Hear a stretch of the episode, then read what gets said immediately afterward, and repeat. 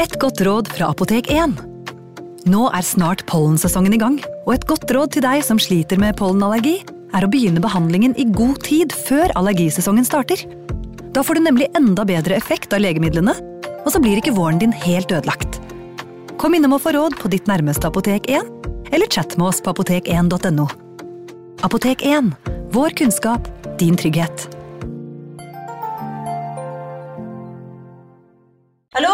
Jeg kommer fra Oslo politikammer. Ine Jansen er purk. Er du purk? The motherfucking bitch. Alt jeg vil, er å finne ut hva som skjedde med mannen min. Jon Carew. Er jeg sikta for noe? Iben Akeli. Det er du. Ole So, Lars Berrum og Big Daddy Karsten. Hvem sin side er du på, egentlig? Anette Hoff, Tone Danielsen, Kommer du fra Afrika? Jørnis Josef, Nesten kløfta. Trond Espen Seim, Det er synd å si det, men det var feil mann som døde. Purk. Premiere tirsdag på TV2 Play.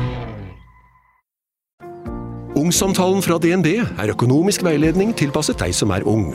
Bokk en ungsamtale på dnb.no. slash ung. Det er kjempebra hvis du skal inn på boligmarkedet, hvis det er drømmen din, liksom. Det er det du skulle sagt. Og så kunne du ropt litt mer, da, sånn som jeg gjorde. Bam! Fredag 2. november har du muligheten til å oppleve True Crime-podden live på Gamlebyens gjestegiveri i Fredrikstad. Gjør deg klar for to ekte krimhistorier som får deg til å gå kaldt nedover ryggen. True Crime-podden vil lese krimhistorier live fra scenen. Det vil man ha mulighet til å stille spørsmål etter historiene. Billetter kommer for salg på hopla.no. Dørene åpner klokka 18.00. Vel møtt, om du tør. Advarsel. Denne podkasten inneholder skildringer av ekte drap og kriminalsaker som kan være støtende for enkelte. Det advares også mot sterke inntrykk i deler av episoden. Hverdagen har så vidt begynt igjen etter julefeiringen. Selv om julepynten fortsatt henger oppe, kommer dagene nå til å bli lysere, og juleturistene reiser fornøyde hjem. Vi er i Kansas City, Missouri, den 2. januar 1935, på The President Hotel. Hotellet er stort og flott, med et yrende liv av besøkende som haster frem og tilbake. I hotellets restaurant serveres det champagne og rikelig med mat, mens sigarrøyken ligger som et mykt teppe over gjestenes hoder. Økonomien i Kansas City har så smått begynt å stabilisere seg etter børskrakket. Folk i byen har igjen jobber og råd til å hygge seg litt ekstra, særlig i julen som nå er over.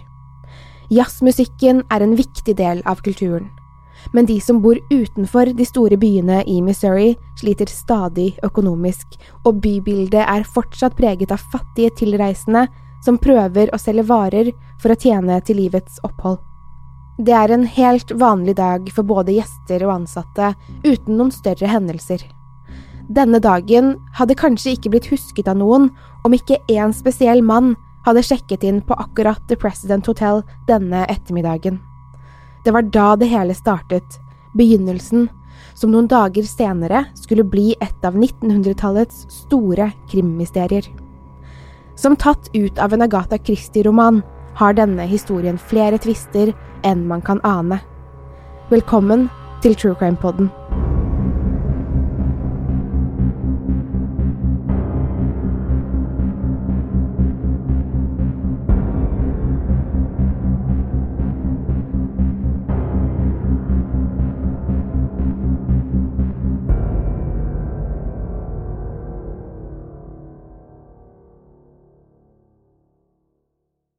Den 2. januar 1935, ca. klokken halv to på ettermiddagen, står en ung mann ved resepsjonsdisken på The President Hotel og venter på sin tur. Han er pent kledd med dress, frakk og fine sko. Mannen, som kan være alt fra 20 til 30 år, har et stort, hvitt arr langs venstre side av hodet, rett ved øret. Det brune håret er pent kjemmet bakover, slik at man kan se at han har såkalte blomkålører.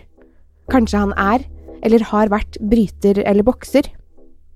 Den unge mannen sjekker inn under navnet Roland T. Owen og spør hotellresepsjonisten høflig om han kan få et innvendig rom uten vinduer.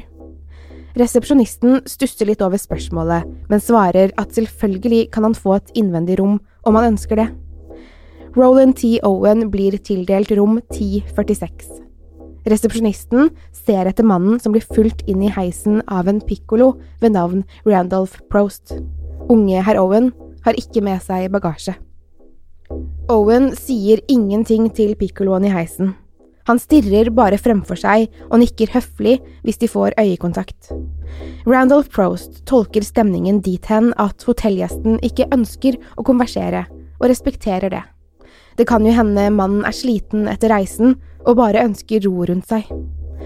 Prost følger Owen til rommet han fikk tildelt, nummer 1046, og legger merke til at han ikke har med seg bagasje, bare tannbørste, en kam og litt såpe. Prost lukker døren etter seg og tenker ikke mer over den merkelige unge mannen før flere dager senere, når politiet skal intervjue han. Noen timer senere er en stuepike ved navn Mary på vei opp til rom 1046 og unge Heroen med rene håndklær. Hun banker på døren og hører en lav stemme si kom inn. Stuepiken åpner døren og blir overrasket over at Owen bare sitter i en stol på rommet i halvmørket med kun en eneste lampe tent. Stuepiken spør høflig om hun får legge håndklærne på badet, og mannen nikker. Mary legger også merke til en lapp på nattbordet, og diskré, av ren nysgjerrighet, leser hun hva det står. Don, jeg er tilbake om 15 minutter. Vent.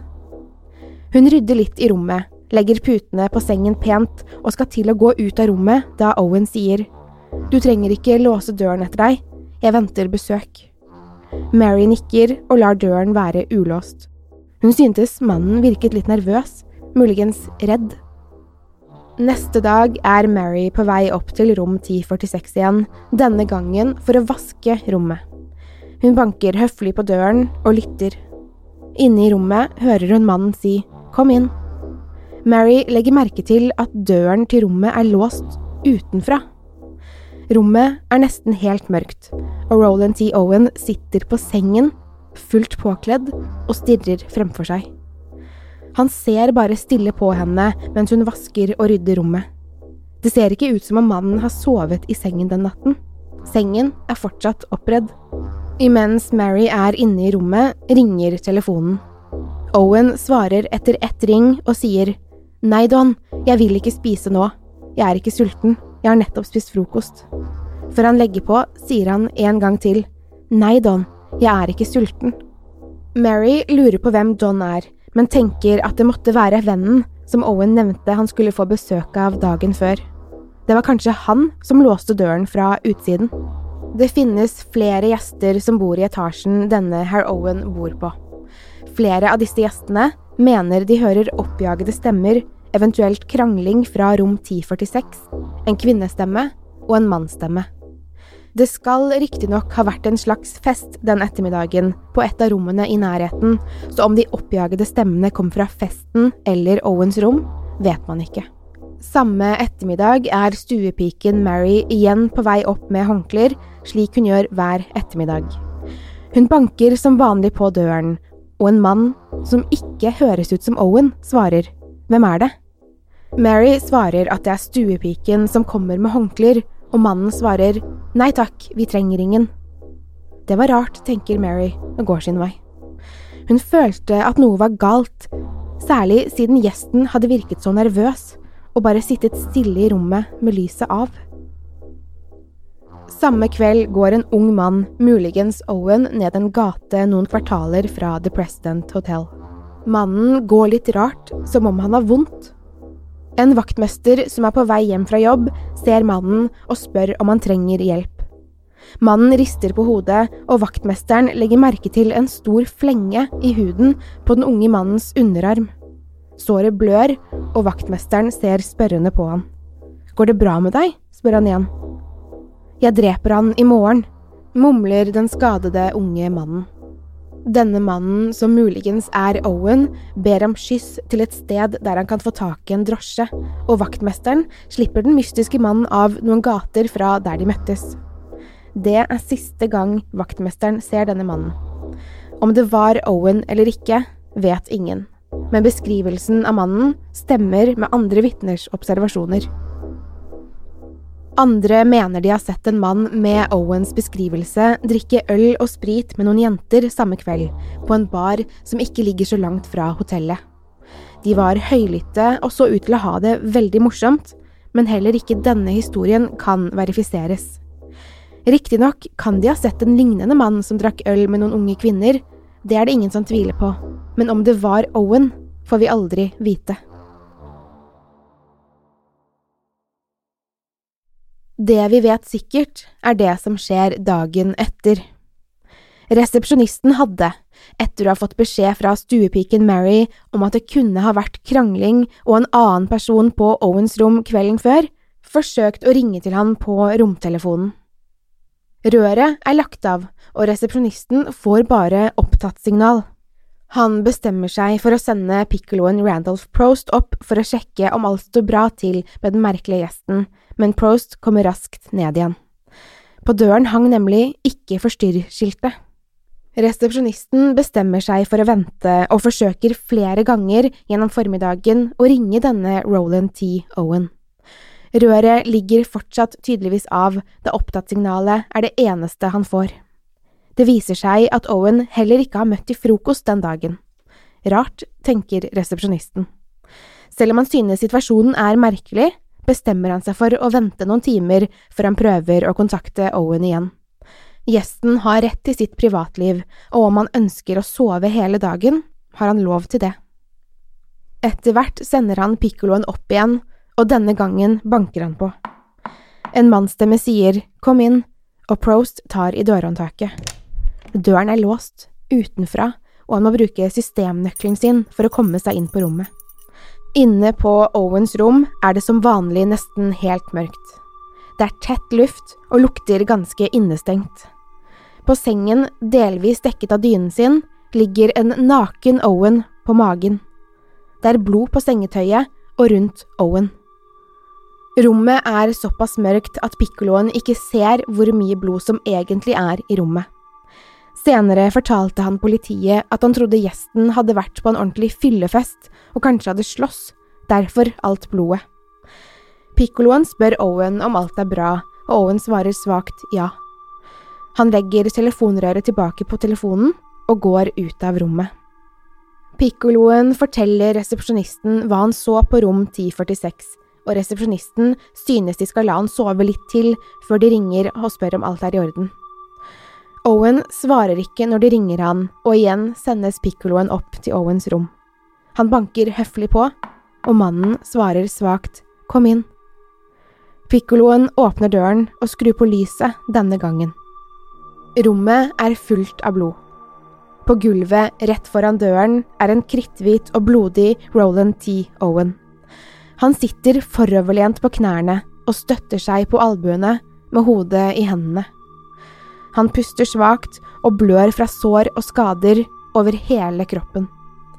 Han er bundet på både hender, føtter og har en løkke rundt halsen. Han har åpne kutt fra knivstikk i brystet, magen lårene og armene. Det blør kraftig fra hodet hans, fra en alvorlig slagskade i høyre tinning. Skaden har knust deler av hodeskallen hans. Knivstikkene har punktert den ene lungen hans. Pikkoloen får fullstendig sjokk og løper ned til resepsjonisten for å fortelle hva han har sett. Politi og ambulanse kontaktes med en gang. Det er blod i hele rommet, på vegger, i taket, overalt. I sengen, der Owen tidligere lå, er det nå en stor blodpøl. På badet er det blod i vasken, badekaret og på gulvet. En politimann spør Owen, som overraskende nok er ved bevissthet, om hvem som har gjort dette mot han. Owen ser med blodskutte øyne på politimannen og svarer ingen. Jeg falt mot badekaret. Politimannen tror selvfølgelig ikke på Owen, da skadene tyder på noe helt annet enn et uskyldig fall mot badekaret. Hvordan skadet du deg? spør han igjen. Prøvde du å ta livet ditt? Owen ser på han igjen og hvisker nei, for han mister bevisstheten og faller i koma. Roland T. Owen blir kjørt til nærmeste sykehus i all hast, men etter noen timer dør han av de massive skadene natt til 5. januar 1935. Politiet står nå ovenfor en alvorlig og brutal drapssak. Som vanlig begynner de arbeidet med å underrette de pårørende. Det skal vise seg at det ikke er så lett.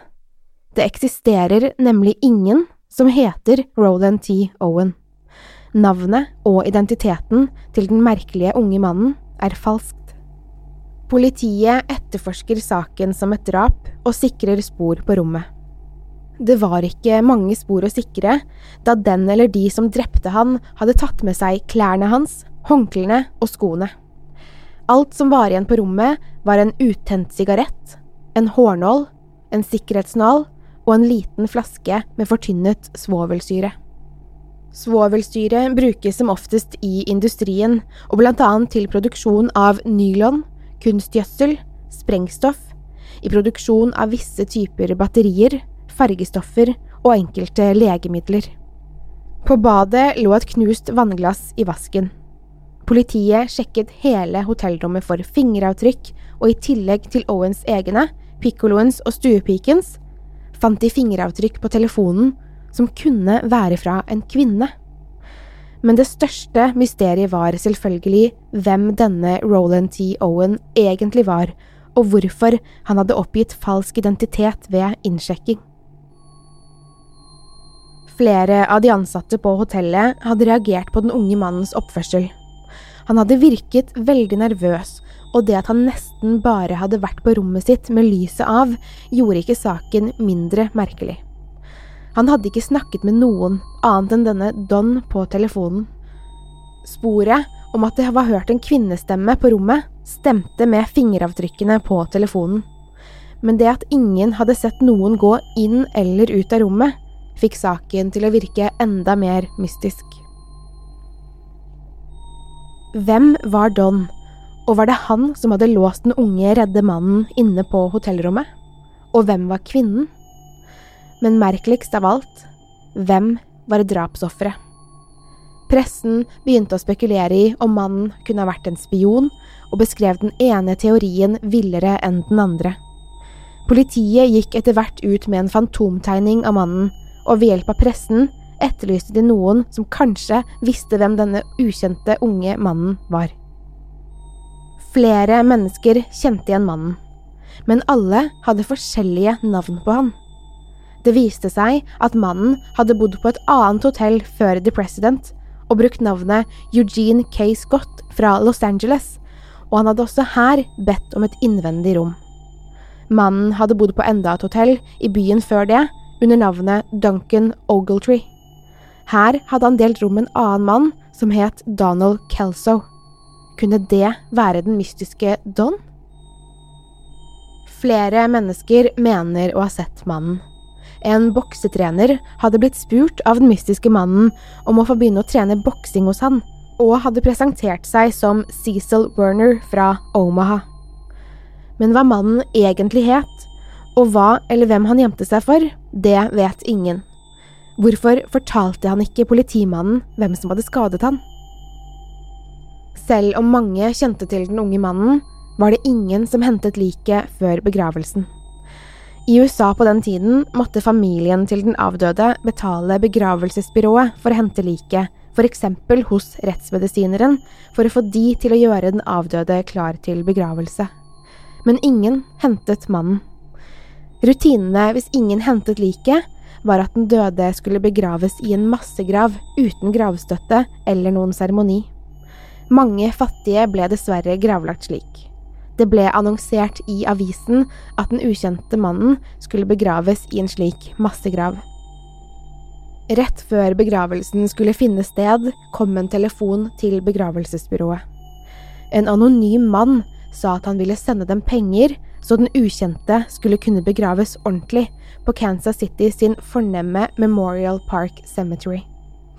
Begravelsesagenten forsøkte å stille spørsmål om hvem mannen var, men den anonyme personen i telefonen svarte bare at mannen hadde sveket en kvinne han kjente, og at han selv, kvinnen og den drepte hadde møttes på et hotell i forbindelse med dette sviket.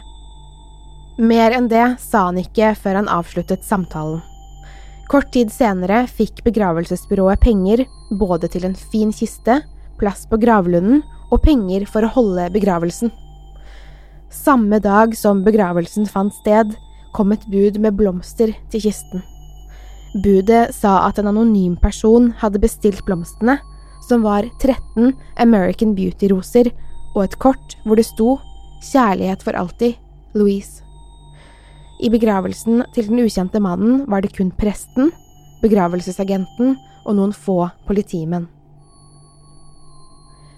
Ruby Ogletree har fått enda et brev sendt hjem til henne i Birmingham, Alabama. Det er noe som ikke stemmer med brevene. Ordlyden er annerledes enn det den pleier. Det er som om en fremmed har skrevet brevene, og ikke sønnen hennes, Artemis. Før hadde han alltid skrevet brevene for hånd, og hun kjente igjen den barnslige håndskriften hans. Nå var brevene skrevet på skrivemaskin, med en mer voksen tone enn før. Noen ganger tok Ruby Ogletree seg i å tenke at det kanskje ikke var Artemis som skrev brevene til henne lenger. Han så ut til å ha et spennende liv, sønnen hennes. Hun fikk brev fra Chicago, hvor han plutselig hadde begynt på handelsskole, og fra New York, hvor han skulle seile helt til Europa. Hun ventet og ventet på brev fra Europa, om at sønnen hadde kommet trygt frem, men ingen brev kom. En dag ringte telefonen. En mann som presenterte seg som Jordan, spurte om hun var moren til Artemis. Ja, svarte hun. Mannen fortalte henne om at Artemis var en helt som hadde reddet livet hans, og at de var gode venner. Det var Artemis som hadde bedt han ringe henne. Er alt ok med Artemis? spurte Ruby Ogletree. Ja da, svarte Jordan. Han har giftet seg med en veldig rik egyptisk kvinne og bor med henne i Kairo. Hva? svarte Ruby. Hun prøvde å fordøye hva denne Jordan fortalte henne. Han ba meg også si at han ikke kan skrive til deg mer, fru Ogletree. Han har mistet tommelen sin i en ulykke. Ruby visste ikke hva hun skulle si, og plutselig hadde mannen avsluttet telefonsamtalen. Hun kontaktet politiet med en gang. Ruby følte at noe var galt. Politiet i Birmingham avhører den bekymrede moren, men prøver å forsikre henne om at sønnen har rett til å gjøre som han vil. De kan ikke hjelpe henne, sier de. Ruby kontakter derfor FBI, som i alle fall gjør en innsats for å hjelpe henne, men uten resultat. Hun kontakter det amerikanske konsulatet i Egypt, men heller ikke de kan finne sønnen hennes, eller noe tegn til at han har oppholdt seg i Kairo.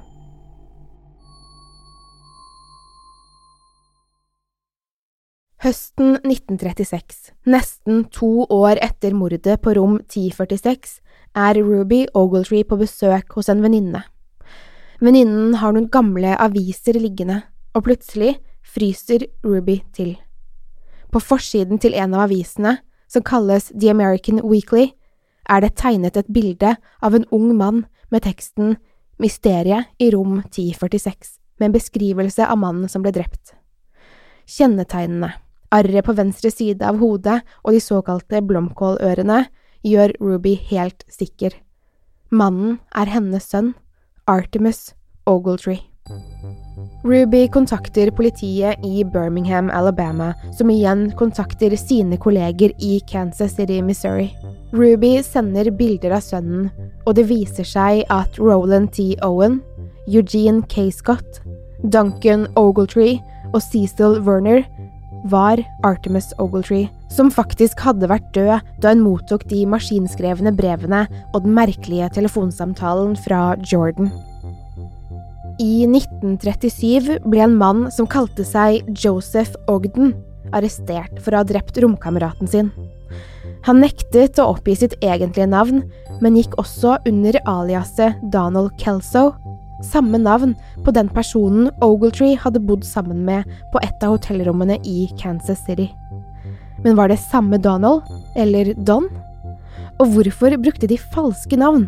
Hva var grunnen til at Artemis Ogletree måtte dø en så voldsom død? Ingen vet hvem som gjorde det, eller hvorfor. Heller ikke hvem kvinnen som sendte de 13 rosene til begravelsen med kortet hvor det sto Kjærlighet for alltid, Louise, var. Saken har inspirert både filmer og bøker, annet Stephen King sin novelle 1408, som filmen med samme navn er basert på. Filmen, fra 2007, er en psykologisk skrekkthriller hvor Samuel L. Jackson og John Cusack har hovedrollene. Filmen utspiller seg i et hotellrom hvor skumle og mystiske ting skjer. Vi i True Crime Podden låser hotellrommet forsiktig etter oss og forsvinner inn i mørket. Vi er tilbake neste uke med ny og spennende true crime, men vil gjerne høre hva du tror skjedde i rom 1046 den kalde januardagen i 1935. Send oss mail på post at truecrimenorge.no, eller kontakt oss på Instagram hvor vi heter Truecrime Norge, eller på Facebook hvor vi heter Truecrimepodden. Til neste gang, pass på dere selv, og takk for at du har hørt på Truecrimepodden.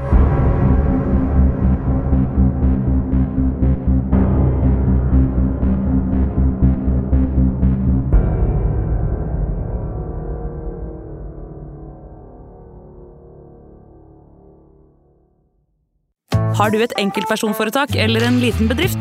Da er du sikkert lei av å høre meg snakke om hvor enkelt det er med kvitteringer og bilag i fiken, så vi eh, gir oss her, vi. Fordi vi liker enkelt. Fiken superenkelt regnskap. Hei! Takk for at du lytter til True Crime Podden. Skulle du ønske at du kunne høre en ny episode av denne podkasten hver eneste uke? Vel, da er det bare å laste ned podkastappen Untold med en gang. I tillegg til ukentlige episoder av podkaster som Skrekkpodden, Synderne og Henrettelsespodden, får du masse annet reklamefritt og eksklusivt innhold. Last ned Untold i AppStore eller Google Play, og start din 30 dagers prøveperiode i dag.